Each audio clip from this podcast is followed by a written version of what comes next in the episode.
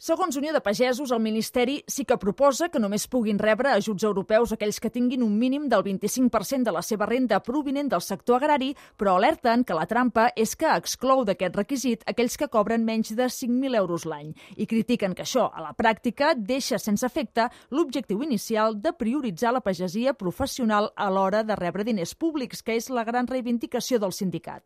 Joan Cavall és el coordinador nacional d'UP.